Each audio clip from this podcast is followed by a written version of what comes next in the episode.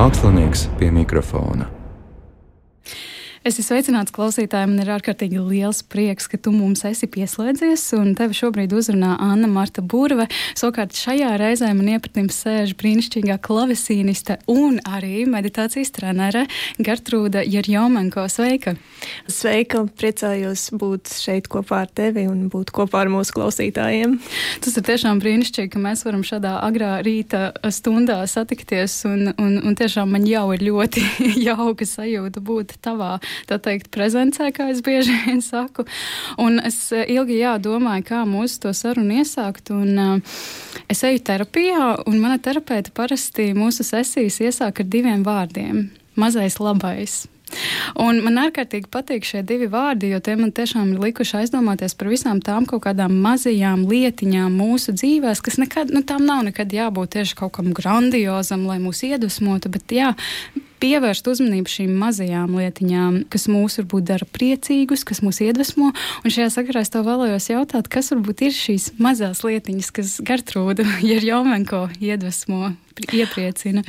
Es eh, tev pilnīgi piekrītu, ka dzīves māksla sastāv no maziem solīšiem, un, mēs katru dienu varam veikt kaut ko nelielu, bet kas pēc tam no kvantitātes pārto par kvalitāti un rada mūsu dzīvē uh, šīs te izmaiņas. Un uh, es arī atskatoties uz kaut kādiem saviem dzīves nogriežņiem, redzēju, ka tās izmaiņas notiek un viņas tiešām ir dziļas, bet tas kas veicināja šīs izmaiņas, bija varbūt kaut kāds mazs rituāls katru dienu, kas arī radīja to nākamo virzienu mm, dzīves periodā. Kas ir manas mazās lietiņas? Nu, ja jau mēs runājam par meditācijas praksēm, tā noteikti pirmā lieta ir meditācija. Bet, protams, ne tikai. Un, uh, Es um, tagad arī strādājot ar sevi, esmu sapratusi, cik svarīgi ir uh, sabalansēt savu dzīvi. Uh, jo mēs kā mūziķi uh, šajā profesijā vispār bieži varam visu savu enerģiju, visu savu uzmanību veltīt vienai lietai, nodoties tam bet um, vienmēr jāskatās, uh, cik tas ir veselīgi. Un uh, es pati mm, strādājot ar sevi, izšķīru 12 punktus savā dzīvē, kas teiksim, veido to kopainu. Protams, viens no šiem punktiem ir mans uh, darbs, uh, mana profesija, bet tur bija arī tādi punkti kā garīgums, intelekts, fiziskais ķermeņa stāvoklis, draugi, ģimene un tā tālāk. Es saku, tie ir tiešām 12 punkti.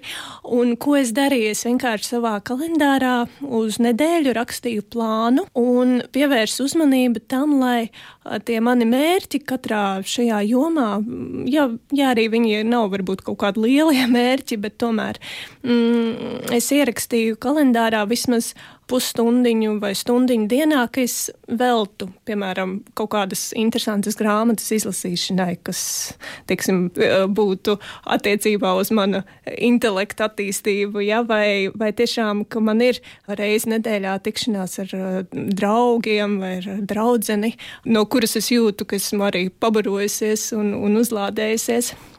Vai, vai tas pats sports, es gan um, neesmu ļoti sportisks cilvēks, bet ļoti labi saprotu arī, ka ķermenis ir tas, kas arī jāmīl un, un viņā ir jāiegulda.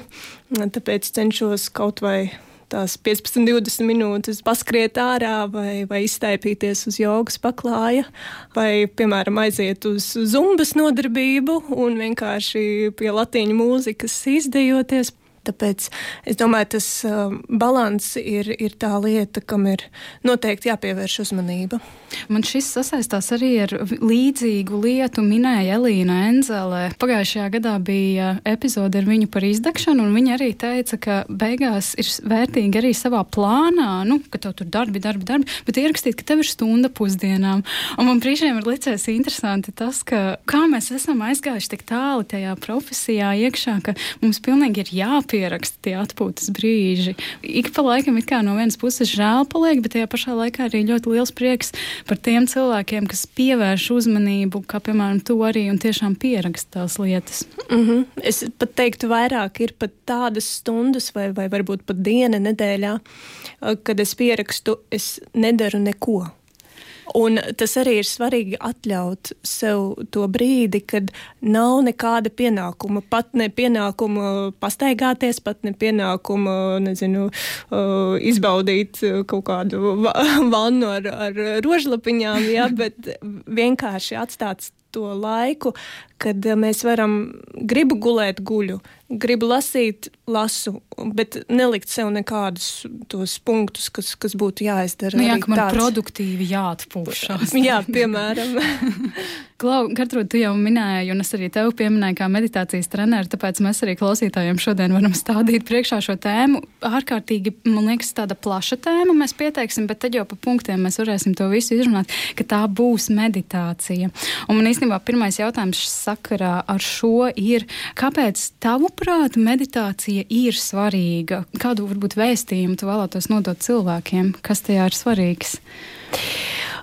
Vispār man šķiet, ka šis vārds, kurš varbūt pirms 30 gadiem asociējās ar kaut kādu ezotēriku vai, vai, vai kaut ko ļoti svešu, tagad šis vārds tiek pielietots tik bieži, sākot no koncertiem, kuri tiek nosaukti par meditāciju, bet arī biznesa pasaulē cilvēki runā par to, ka mēs meditējam un tas mums palīdz.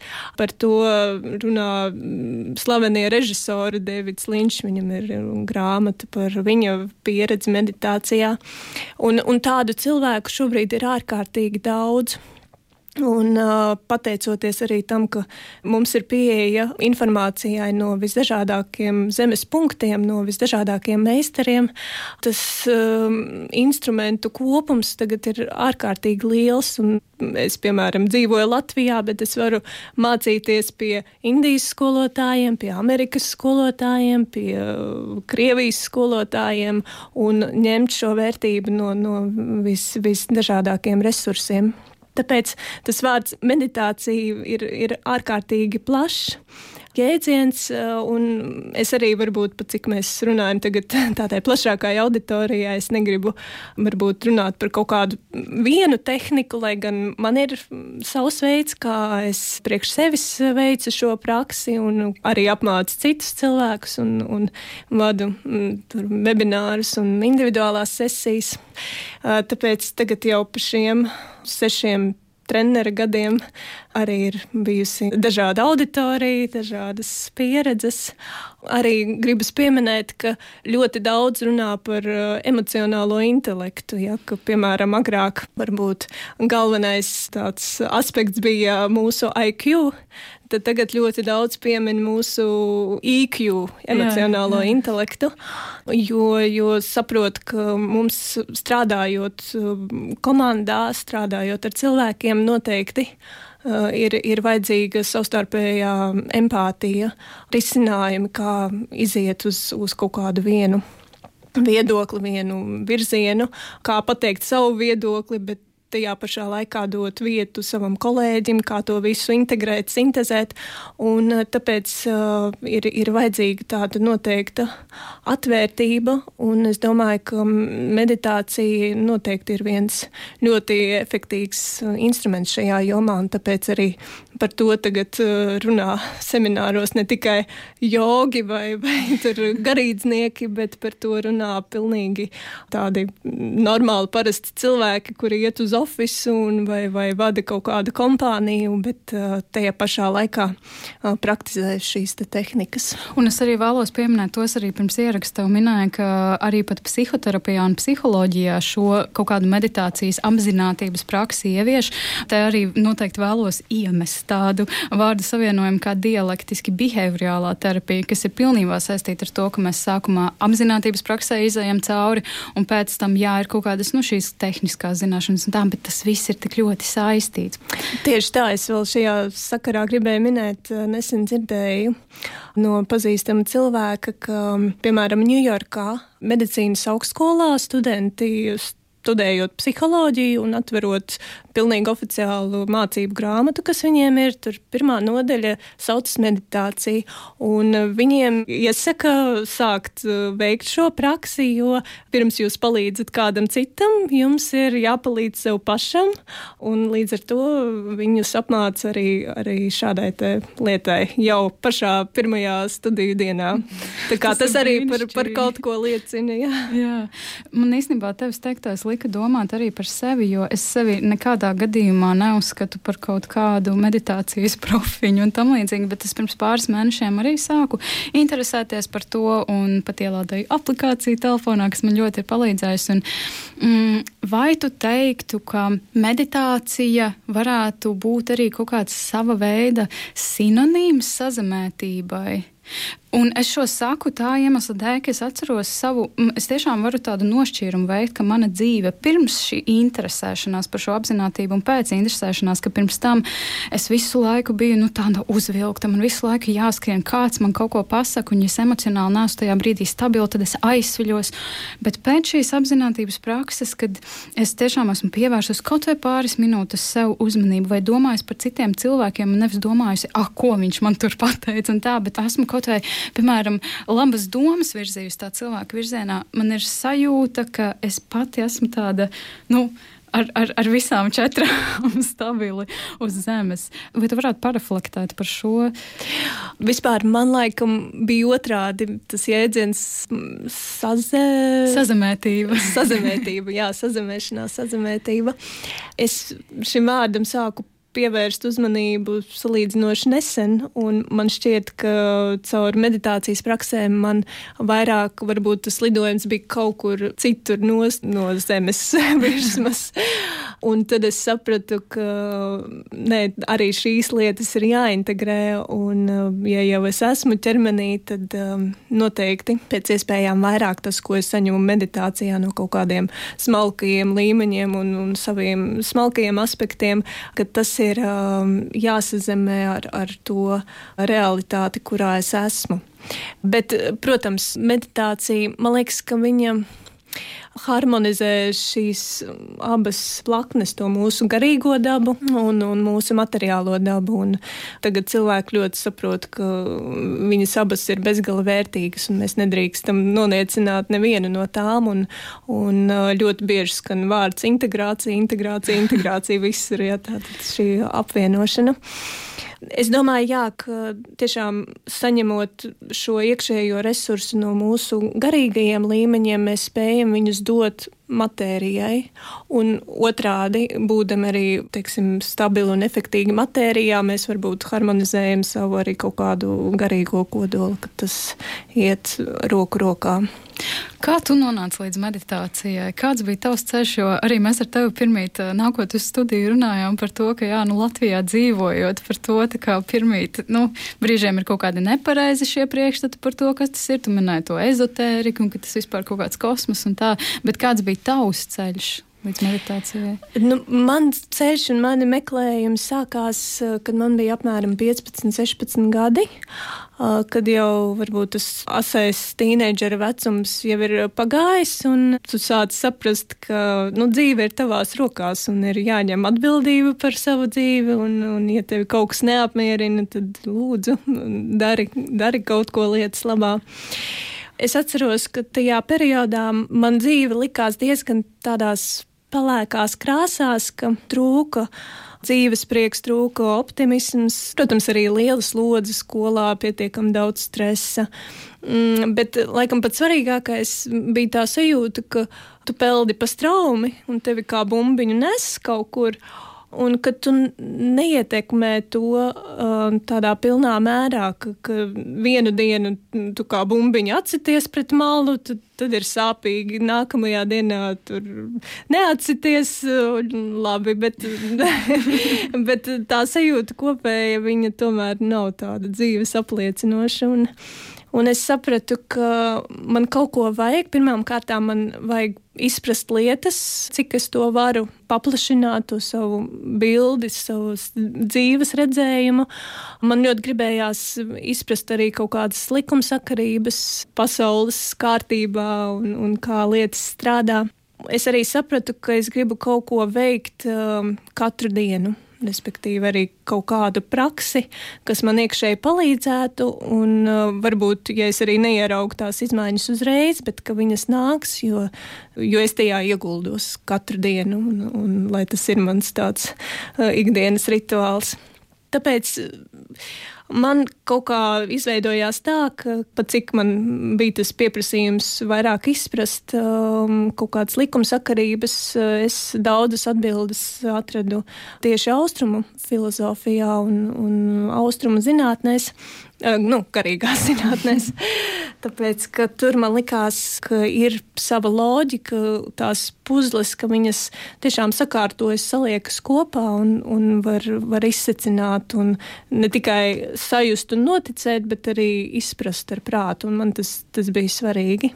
Tāpēc es arī tajā periodā daudz ko pamēģināju gan visādas lūkšanas, mantras, afirmācijas, eh, un pēc tam 21 gadu vecumā es atradu priekš sevis heartfulness meditāciju, un kopš tā brīža arī praktizēju un, un turpina iedvesmoties no šī instrumenta.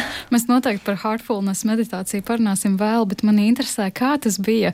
Tu, piemēram, nezinu, iegāji Google un tur ierakstīji, nezinu, joga meditāciju. Kā, kā, kādi bija tie pirmie solīši, lai Jā, iepazītos ar to pasauli. Tu zini, vispār man šķiet, ka visums tā ir tāda unikāla sistēma, ka tik līdz mums ir kaut kāds iekšējais jautājums vai, vai pieprasījums, Tanī pašā mirklī sāk veidoties notikumu virkne, kas mūs agri vai vēlu, bet tā aizvedīs tajā punktā, kur mēs gribam nonākt.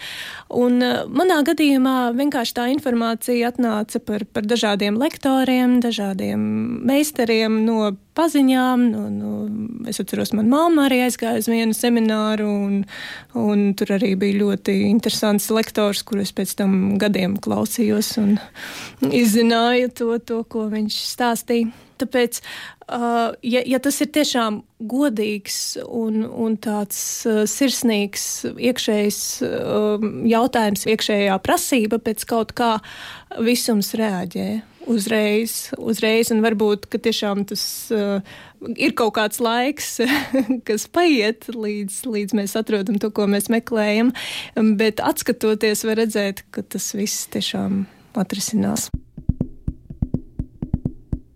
Es tev vēlos jautāt par to heartfulness meditāciju. Tātad tā ir viena virzība tajā visā plašajā meditācijas pasaulē. Jā, Jā tas ir meditācijas veids. Un, um, Tas, kāpēc viņš tieši iekaroja manu sirdi, eh, bija tas, ka tā pati tehnika ir ļoti sena. Viņa nāk no raģa jogas tradīcijas. Bet uh, tādā veidā, kā Hartvilnis ir tagad, tur nav nekādu rituālu, nekādu kultūras slāņu, kas būtu, teiksim, nevajadzīgi. Un līdz ar to ir atstāta pati būtība. Tātad uh, Hartvilnis nāk no vārda heart, angliski sirds. Un caur šo sirds centru ir iespēja izzināt sevi, izzināt visumu caur sevi, strādāt ar, ar saviem daudziem slāņiem, jo sirds ir tas punkts, kas īstenībā tieši savieno to matēriju un to garīgo pasauli. Tāpēc caur viņu strādājot, mēs uh, varam vispār nu, tiksim, atjaunot visu savu sistēmu. Tu pieminēji vārdu savienojumu nevajadzīgi kultūras slāņi. Vai tu varētu mazliet vairāk pastāstīt Jā.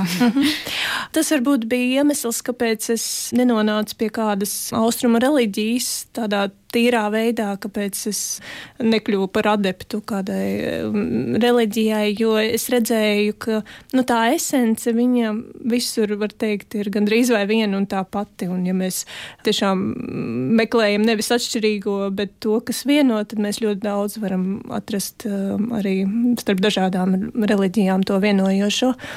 Bet ir arī kaut kādas tradīcijas, kuras es redzu, nu, piemēram, nāk no, no, no Indijas. Ja, ka tur savā veidā jāģērbjas, vai tur jāiet dušā obligāti divreiz dienā. Nu, e, es saprotu, ja es būtu Indijā, man gribētos iet dušā divreiz dienā, bet uh, Latvijā nē, bet tas tiek arī uzstādīts, piemēram, kā daļa no, no tās tīrās dzīvošanas, piemēram, vai, vai, piemēram, par ēdienu, lai gan es pati esmu veģetārieti jau 16 gadus laikam. Tagad es, es saprotu, ka arī šai lietai ir jāpieiet apzināti. Un uh, arī tiksim, atkarībā no tā, kur cilvēks dzīvo, kādas viņam ir iespējas.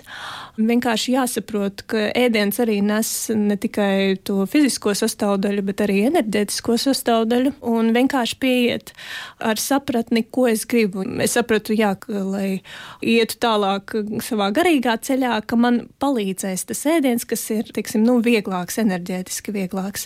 Bet, uh, piemēram, sēdēt tikai uz augļiem un dārzeņiem, es arī nevaru. Līdz ar to nav tādas striktas līnijas. Es domāju, ka cilvēkam vienkārši radoši jāpieiet un jāklausa sevi. Un varbūt vienā dzīves periodā tas būs kaut kas viens, un, un citā dzīves periodā kaut kas cits. Bet parasti tādās stingrās sistēmās vai reliģijās tie likumi jau ir aprakstīti stingri, ka ir jābūt tā un tā, ka tu, piemēram, nēd olas, gaļu un zivi un viss un punkts. Ja? bet uh, iespējams kaut kādā reizē cilvēkam nu, ir nepieciešama varbūt zivs, lai, lai tur atvesaļotos. Tāpēc tādi stingri rāmi, es domāju, ka nevienmēr nāk par labu. Bet uh, tu arī uzdodot jautājumus, uh, ļoti bieži minēji šo vārdu apziņotība. Man šķiet, ka tas ir tas, uz ko cilvēce kopumā tagad iet, uz tādu apziņotību no ikdienišķa dzīves, varbūt sīkumu līdz kaut kādiem nopietniem lēmumiem. Bet, um, tā saskaršanās uh, un savienošanās ar, ar sevi, ar savu dvēseli arī ļoti palīdz tajā apzināšanās ceļā. Tā kā sakot savai iekšējai balsī, man ļoti patika tā doma, ko tu tikko pateici. Tiešām, nu, jā, tie likumi ir un mums viņi jāievēro, bet reizēm mēs esam tik ļoti ieciklējušies kaut kādiem tiem likumiem, ka mēs nepievēršam uzmanību tam, ko mēs paši vēlamies. Uh mhm. -huh. Es īstenībā iedomājos, mums radio mājā runas prasmes pedagoģē un aktrise Zana Daudziņa. Vienreiz ar viņu runājoties, viņa man ieteica vienu grāmatu, ja nemaldos, saucās Niši veselības sistēma. Tur arī man ļoti patika viens teksts, ko viņš bija uzrakstījis par to, ka ir ļoti vērtīgi arī uz to savu ēdienu šķīvi paskatīties kā uz tādu kompozīciju, ka nevis sapļakāt to biezeni un dārzeņus visu vienā tādā čupā, bet izveidot kaut kādu kompozīciju, jo arī, jo arī tās acis kaut kā tajā brīdī mielojas. Un tas man arī, man liekas, bija kaut kāds tas viens punkts manā dzīvē, kad es sapratu, ka, hei, es taču tiešām dodos vienkārši kā tāds tanks uz priekšu, kaut, kā, kaut kādu maizi paķeru pa ceļam, bet bet, ir vajadzīgs tas laiks, vai ne arī ar to ēdienu, ka tu viņu nevis tikai, ka tu ēd viņu, bet tas brīdis, kad tu taisi, kad tu saliec ar šķīvja, un tā to arī izbaudīt ar acīm, un tad jau arī ar garšu skāpiņu. Tieši tā, un to mēs arī varam nosaukt par meditāciju. jā, īstenībā pievērst apzin, apzinātību. Jā. Mm -hmm. Vai tu varētu sīkāk pastāstīt tieši par to heartfulness? Tu minēji jau par to sirds centru, bet kā tas izpaužas tajā brīdī, kad uh, cilvēks ar to nodarbojas? Mm -hmm. Arī pieminot par to, ko mēs jau runājām, ka kaut kādās praksēs ir stingrāki likumi, stingrāki rituāli. Uh, no vienas puses tas arī var palīdzēt cilvēkam, jo tad, kad viņš ir pavisam jauns, viņš ieiet sistēmā un viņam ir skaidri tie balsti, ko darīt, ko nedarīt, kas ir labi, kas ir slikti. Bet pēc tam jau, kad cilvēks ir attīstījies, tad es domāju, pienāk arī tā fāze, kad tos rāmīšus gribas mazliet pabīdīt. Un heartfulness meditācija, viņa tādā ziņā ir diezgan brīva, jo mēs iedomājamies par to radītāju gaismu sirdī, bet tur nav nekādas īpašas elpošanas, vai mūzikas, vai, vai sveces, vai, vai vēl kāda tēla. Tas ir enerģētisks process, kuru palīdz īstenot arī instruktors, ka viņš kopā ar, ar uh, cilvēku meditē un arī palīdz tai apziņai gremdēties dziļāk. Tāpēc es zinu, ka ir cilvēki, kuriem tas ir grūtāk, nav pie kā pieķerties, bet tanīpat laikā šī meditācija viņa neuzliek tos rāmīšus, kas pēc tam iespējams to apziņu turētu iesprostrotu. Un līdz ar to tā katra reize, katra diena ar šo meditāciju viņa ir unikāla. Viņa ir um, ar iekšējo atvērtību. Nevis es saku kaut ko radītājam vai, vai, vai savai dvēselē, bet es savienojos un es gaidu, ko viņa man pastāsta, ko viņa man pauž un kā viņa šajā rītā mani, piemēram, transformē vai, vai pamaina manu stāvokli. Jo katru dienu mēs arī esam cits cilvēks, iespējams, atkarībā no mūsu iekšējām sajūtām. Tāpēc es saprotu, ka tur ir varbūt arī savas grūtības īpaši sākumā cilvēkiem, bet pēc tam tas atkal dod šo brīvību, kas ir arī nepieciešama. Jo tas ceļš ir bezgalīgs un visumu izzināt, es domāju, nav iespējams līdz galam vismaz cilvēku ķermenī noteikti nē, tāpēc tas ir tāds bezgalīgs un skaists ceļš. Mēs noteikti atgriezīsimies pie šīs heartful meditācijas vēl, bet tā kā arī tu esi tomēr mūziķis, man ļoti interesē tavas domas vai tava pieredze, ar ko tu varētu padalīties, vai starp mūziku un šo meditāciju ir kaut kāda korelācija arī tavā dzīvē, kā tas tev ir palīdzējis un tam līdzīgi. Jā, noteikti. Ja man jautā vispār, nu, ko tad tev deva šī meditācija, tad uh, mana mīļākā atbilde ir, ka, nu, iedomājieties, jūs laistat saknes kokam. Un uh, ūdeni saņem ne tikai saknes, bet katra lapiņa, katra zariņš.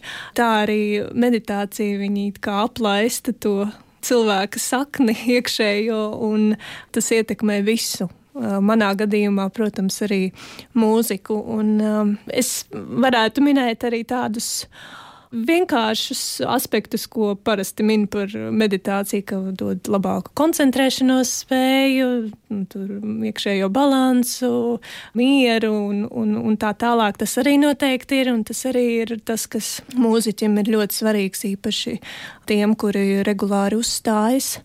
Un, protams, mūsu profesijā arī ir bieži situācijas, kad ir jauns projekts vai, vai trīs projekti paralēli, piemēram, un kas prasa tādas arī milzīgas darbspējas, koncentrēšanās spējas, bet arī tajā pašā laikā būt atslābinātam, mierīgam.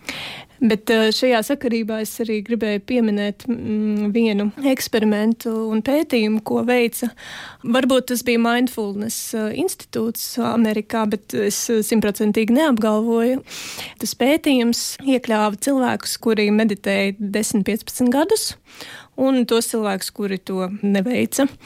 Un ar ierīcēm, kas mums tagad ir jau ļoti avansētas, elektroencefalogrāfs, man liekas, sauc to ierīci, kas pēta un nosaka smadzeņu viļņu darbību. Tātad ir šie dažādie viļņi, dažādas frekvences, dažāds ātrums, sākot no gamma viļņiem, kas ir paši aktīvākie, tad, kad mums ir force majeure situācija vai, vai, vai kaut kāda ļoti sasprindzināta lieta notiek mūsu dzīvē, un mums kaut kas ļoti ātri jāatrisina, un tad mūsu smadzenes darbojas ļoti aktīvā režīmā un ir iesaistīts abas smadzeņu puslodes. Tad ir mierīgāki viļņi, beta viļņi, kad mēs vienkārši aktīvi iedarbojamies ar apkārtējo pasauli. Alfa viļņi ir, kad mēs, piemēram, klausamies mūziku, kad mēs esam nomodā, aktīvi, bet eh, tajā pašā laikā tā uzmanība vēršas sevī iekšā un mēs gremdējamies kaut kādās pārdomās. Tur lasam dzēju, klausamies mūziku vai vērojam saulēktu. Ir tete viļņi, kas ir vēl mierīgāki, tie jau ir tādi īsti meditācija viļņi, vai arī tad, kad cilvēks guļ un redz sapņus, smadzenes darbojas, bet eh, tā frekvence arī ir daudz, daudz mierīgāka.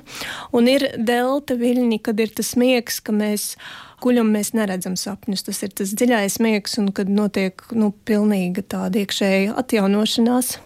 Un, uh, es pēc tam lasīju, ka jogā arī par šo efektu jau runāja pirms daudziem gadiem, kad mēs dziļā miegā apziņa saskaras ar uh, dziļākajiem dvēseles slāņiem. Un notiek atjaunošanās līdz ar to. Tas pierāda, kāpēc tas dziļais miegs mums ir ļoti vajadzīgs un nepieciešams. Ko tad eh, parādīja šie, šie eksperimenti? Cilvēkam, kurš meditē, viņš kā bāzes stāvoklī spēja atrasties uz šiem mierīgajiem viļņiem, alfa, teta viļņiem, respektīvi viņš ir aktīvs nomodā, bet uh, viņš spēja būt šajās mierīgajās frekvencēs.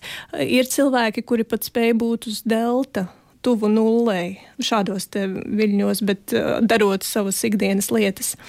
Bet kas bija vēl interesantāk, ka tad, kad ir kaut kāda asa situācija, tad uh, cilvēkam, kurš meditē, ļoti labi strādā arī smadzeņu darbība šajos gammas viļņos, un ka tā amplitūda ir daudz lielāka, respektīvi tad, kad vajag ātri kaut ko atrisināt, tad cilvēks spēj iesaistīties pilnībā. Viņš spēja būt ļoti aktīvs un ļoti ātri atrast atrisinājumu. Tu jautāji man, kā mūzikas sfērā tas palīdz arī. Es jūtu, ka tad, kad ir tiešām ļoti liela slodze, kad nāk koncerts pēc koncerta, tad arī šajos te mirkļos es jūtu, ka organisms un mana sistēma darbojas efektīvi, ka neizsit korķus. es tev klausos, man vienkārši jāpiedomā, lai mute nebūtu vaļā. Tas tiešām ir ārkārtīgi interesanti. Un es arī domāju, sanāk, ka tie cilvēki, kas varbūt ar to meditāciju nenodarbojas, ka viņiem tā kā, piemēram, tajos gāmas viļņos, viņi ir pastāvīgi. Tie, kuri nenodarbojas, viņi ir tajā vidējā amplitūdā, ka mm. viņi ir nelīdz galam varbūt tik efektīgi, kad vajag kaut ko ļoti ātri izdarīt, bet arī viņi nav tajos mierīgajos miļņos, ka tā amplitūda palielinās cilvēkam, kurš uh, nodarbojas ar meditāciju, kurš nu, strādā ar sevi. Sanāk, ka tie cilvēki, kas ar to nenodarbojas, viņiem nav bijis, vai es pareizi saprotu, ka viņiem tad nav bijis arī laika, lai kaut kādu šo resursu atgūtu, ja, ka tas vienmēr tādā mm -hmm. mērenībā, ja tā var teikt. Jā, bet, jā, bijis. jā, es domāju, ka tā bija tā doma, ko, ko tas eksperiments gribēja paust. Cilvēks, kurš nav pieredzi strādāt ar savu to iekšējo struktūru, ka viņš ir inertāks. Varbūt tas arī ir tas stāvoklis, ko es jūtu 15, 16 gadu vecumā, ka tā kā peldi un nav ne labi, nav ne slikti. Nu, tā mm -hmm. kaut, kas, mhm. kaut kas pa vidu. Klausoties, it īpaši šajā stāstā par šiem visiem viļņiem, man uzreiz ienāca prātā doma par Gertrūdu kā mūziķi pirms meditācijas un Gertrūdu kā mūziķi pēc. Vai tu varētu parunāt par šīm divām? Vispār interesants jautājums. Es tāpat nebiju iedomājusies paskatīties uz sevi.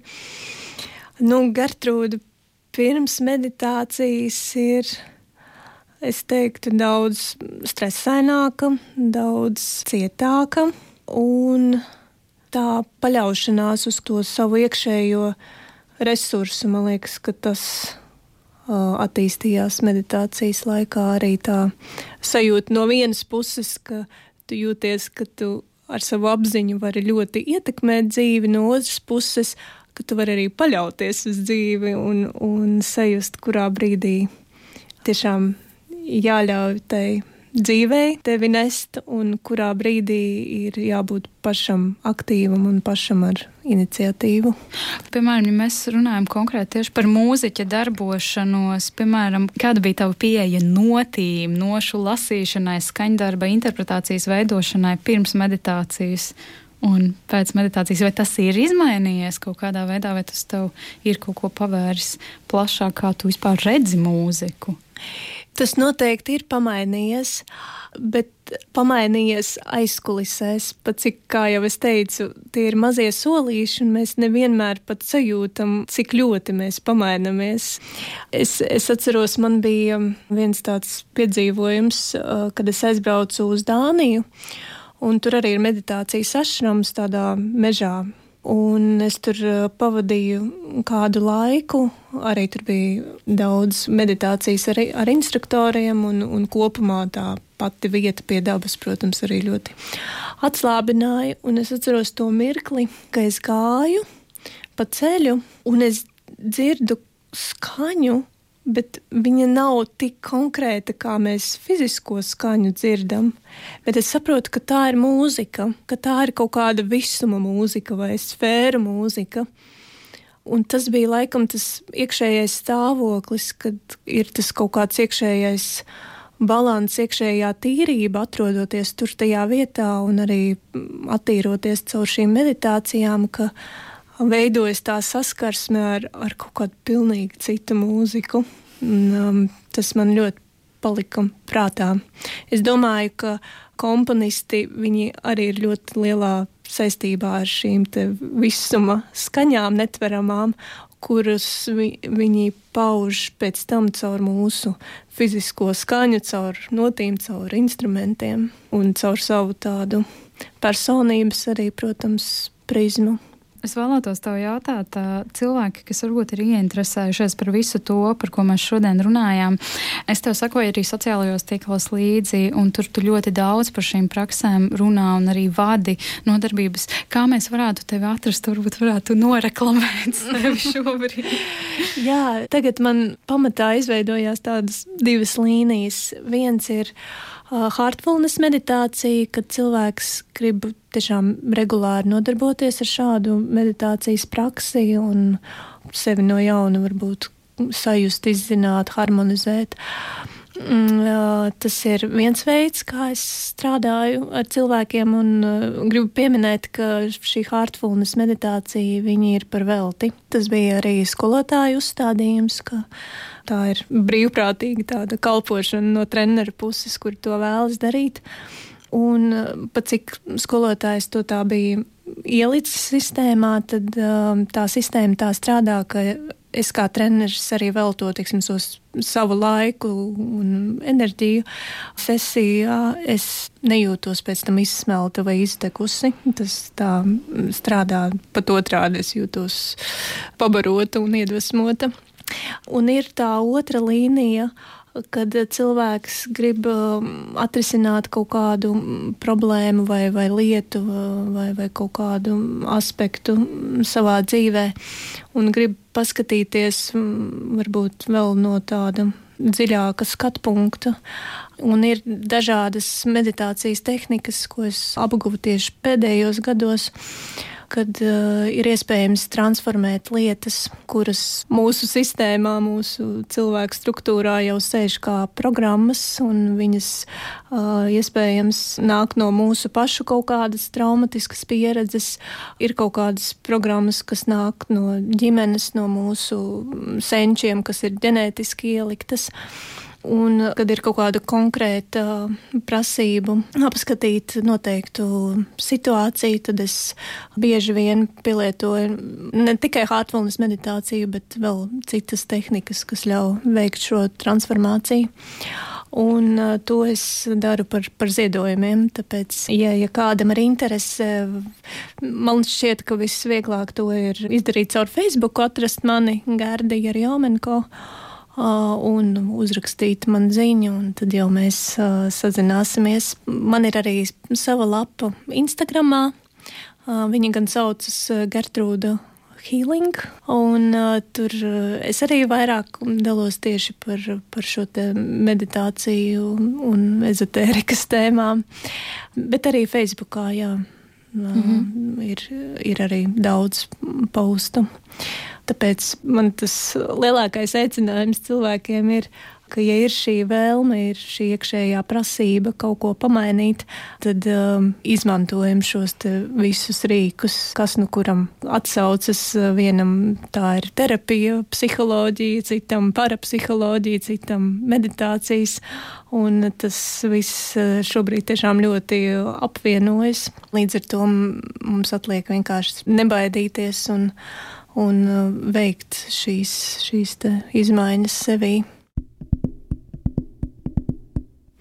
Gerda, uh, vai mēs varētu tevi uzrunāt šobrīd mums novadīt uh, tādu meditācijas nodarbību īso? Un varbūt varētu, jā, pirms tam pastāstīt klausītājiem, kas tad šeit notiks, kam viņiem ir jāsagatavojas. jā, es labprāt varu novadīt tādu īsu meditāciju, mm, skatīsimies, kā mums ies. Šī tehnika arī nāk no Heartfulness, bet viņi ir um, vairāk tāds detoks un attīrīšanās varbūt pirms tās īstās meditācijas, bet arī ļauj savienoties un nocentrēties iekšēji, tad, kad, piemēram, mēs jūtam, ka tas iekšējais stāvoklis ir smags vai, vai varbūt kaut kāda um, panikas sajūta vai trauksmes sajūta rodas, ka mēs esam izsisti ārā ar kaut kādiem ārējiem triggeriem.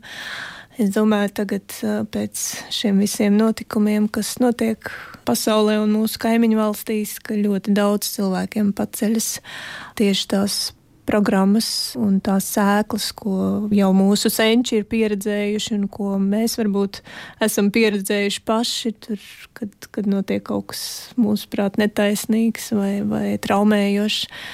Un šīs traumas, es domāju, tagad ļoti izlien ārā, tāpēc meditācija varbūt tagad vēl ir akūtāk nepieciešama, lai to, kas ir pacēlies virspusē, lai, lai tas tiešām tiek transformēts un, un palīdz mums rast uh, to gaišo nākotni, kuru mēs vēlamies, bet kamēr mēs sevi neesam arī dziedinājuši, kamēr mēs paši neesam iekšēji veselīgi, tikmēr tā realitāte spoguļos tos procesus, kas mums ir iekšā. Un tagad arī ir tas punkts, kad uh, vecais drūp, drūp sāpīgi. Daudziem cilvēkiem tiešām notiek ļoti radikālas izmaiņas dzīvē.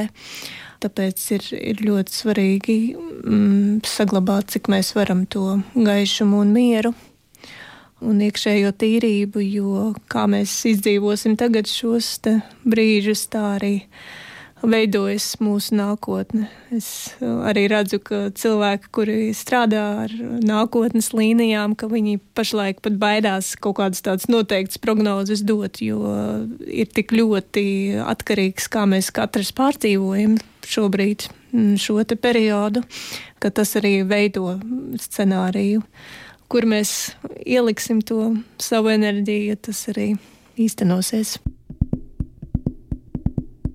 Klau, kā mēs darām? Šī ir ļoti nestandarta situācija. Man liekas, mums abām, jo es esmu pieradusi vienmēr visu vadīt šeit, bet mm -hmm. es droši vien vienkārši tev nododu grožus. Šobrīd. jā, jā, es domāju, ka mēs varam pamēģināt arī šādi te radio ēterā novadīt tādu nelielu sesiju. Un, ja klausītājs nav pie stūres un nav kādā publiskā vietā, Cerēsim, arī var mums pievienoties, un kas ir vajadzīgs vienkārši ērti apsēsties un var atslābināt, atstutēt muguru un iekšēji atbrīvoties. Un pirmkārt sajust savu elpu nomierināt savu elpu. Un ar katru izelpu atslābināties vēl vairāk. Var arī dot ķermenim šādu komandu, atslābināties no kāju pirkstu galiem līdz pašai galvas augšdaļai.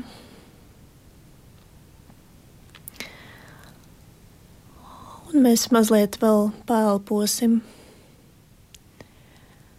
tādā pašregulācijas veidā. Mēs ieelpojam divi, trīs, četri, aizturam elpu, trīs, četri un izelpojam divi, trīs, četri. Ieelpojam divi, trīs, četri. Aizturam elpu, divi, trīs, četri. Un izelpojam, divi, trīs, četri. Un ieelpojam, divi, trīs, četri. Aizturam, divi, trīs, četri. Un izelpojam, divi, trīs, četri. Un tagad sajūtam sev virs galvas to mūsu dvēseles daļu, kas ir viszinošā, kas redz mūsu dzīvi, it kā no augšas, kas novēro, kas, kas ir mūsu intuīcijas kanāls, kas dod mums atbildes. Šo dvēseles daļu mēs varbūt redzam kā gaišu staru vai kā gaismas bumbu, varbūt zelta krāsām, jo zelta krāsa ir viena no visaugstāk vibracionālām krāsām varbūt arī kāds cits tēls. Un tā ir tā mūsu dvēseles daļa, vai tas iekšējais mūsu absolūts pirmavots. Mēs tagad iedomājamies viņu kā mums virs galvas. Tas viss ir nosacīti, bet tas atvieglo mūsu saprāšanu. Un sajūtam, kā no augšas no mūsu augstākā es, līst lejā šī pirmā vota, enerģija, šī gaisma, beznosacījuma mīlestība. Varbūt zelta krāsā, varbūt kādā citā krāsā. Un sajūtam, kā šī enerģija nāk lejā, izskalojot visu struktūru mūsu galvā, tad nonāk lejā caur kaklu, aiziet uz sirds centru, uz mūsu sirdi, no sirds aiziet uz kreiso plecu un caurstrāvo visu kreiso roku līdz pašiem pirkstu galiem. izskalojot visas tās sajūtas, domas, emocijas, kas mums nekalpo, kas nenāk mums par labu. Viņas visas it kā izšķīstas šajā gaismā, šajā beznosacījuma mīlestībā. Un šī ķermeņa daļa tiek attīrīta.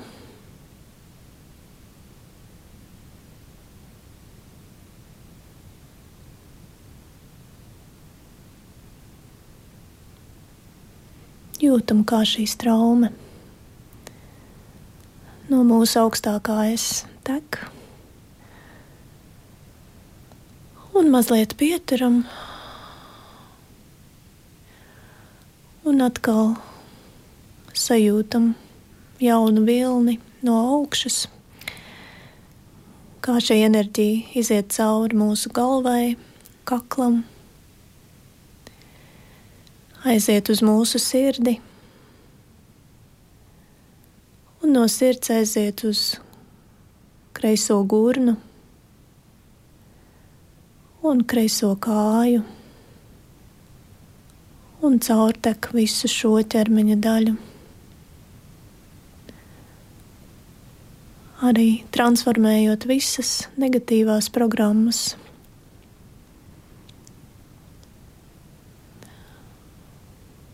visas smagās sajūtas. Sajūtam, kā šī enerģijas plūsma attīra, harmonizē, piepilda ar gaismu visu šo ķermeņa daļu. Un vēlreiz mazliet pieturam un atkal sajūtam jaunu vilni no augšas, kas nonāk lejā caur mūsu galvu, kaklu, aiziet uz sirdi, un no sirds aiziet uz labo plecu un labo roku un iztīra visu to, ko mēs gribam iztīrīt, ko mēs gribam palaist vaļā.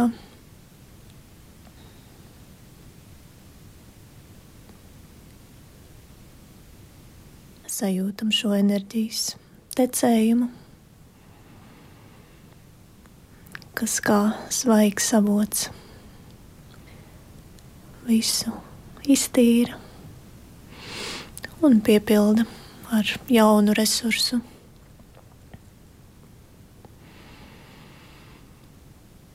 Un atkal mazliet apstādinam un sajūtam atkal jaunu vilni no augšas, no mūsu dvēseles daļas.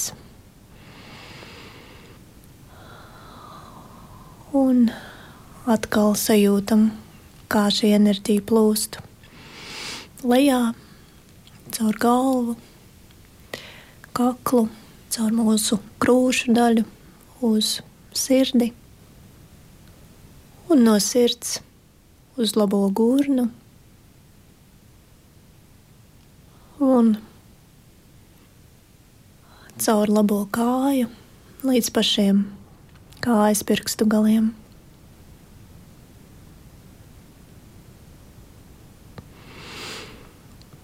Arī sajūtam šo attīrīšanās procesu un piepildīšanos ar šo radītāju bez nosacījuma mīlestību. Sajūtam, kā visas destruktīvās programmas tiek izšķīdinātas, transformētas.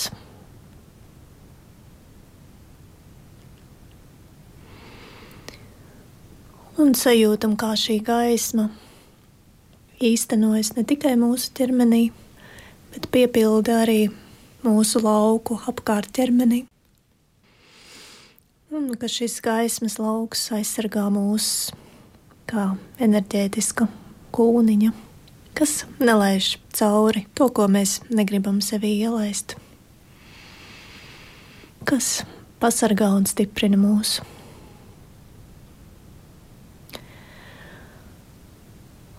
Un mēs lēnām nopaļojam, šo procesu. Un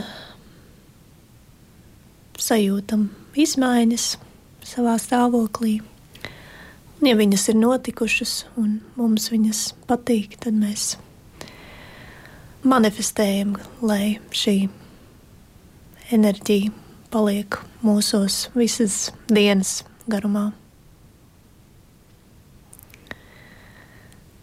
un varam izelpot it kā zemes centrā, lai sazemētos un pamazām taisīt acis vaļā.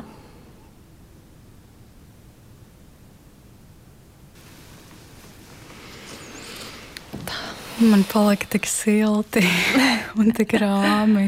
Priecājos. Paldies, tev, Gertrūdas, pat tā. Jā, šorīt ļoti spēcīgi izjūtu to, ko mēs pašā sākumā runājam par to kaut kādu sazemētību un tiešām pilnīgo mieru savī iekšā. Šis bija patiešām brīnišķīgi. ir grūti šobrīd kaut kādā veidā funkcionēt aktīvi kā pirms jā. tam. Kā tu pati jūties šobrīd pēc šīs novadīšanas? Es arī jūtu izmaiņas, arī jūtu tādu iekšēji citu klātesamību. Paldies tev, ka pacēli šo tēmu. Paldies tev, ka tu, paldies tev, ka tu mums šo visu novadīsi. Tiešām aicinu klausītājus, kuri tikko klausījās Gertrūdas vadītajā nodarbībā, meditācijā ar izbrīnu, varbūt patiniet atpakaļ šo ierakstu un tiešām pamēģiniet iesaistīties šajā meditācijas norisē, jo tas tiešām ir ārkārtīgi, ārkārtīgi svētīgi. Gertrūda, es domāju, ka es tev teikšu lielu paldies šobrīd. Paldies, ka tu atnāci un mūs iepazīstināji ar šo. Man liekas, arī šis noslēdzošais meditācijas process ir bijis nu, kaut kas ārkārtīgi, ārkārtīgi vērtīgs. Gan man, gan tiem, kas tikko dzirdēja. Paldies tev! Mm. Paldies liels tev par šo iespēju sūtīt gaismu ne tikai eh, mums, kā klātesošām šeit, eh, radio studijā, bet eh, visiem mūsu klausītājiem. Paldies tev, un es domāju, ka mēs varam atvadīties. Klausītāji, ceru, ka tev būs brīnišķīga diena. Atā! Atā, paldies! Mākslinieks pie mikrofona.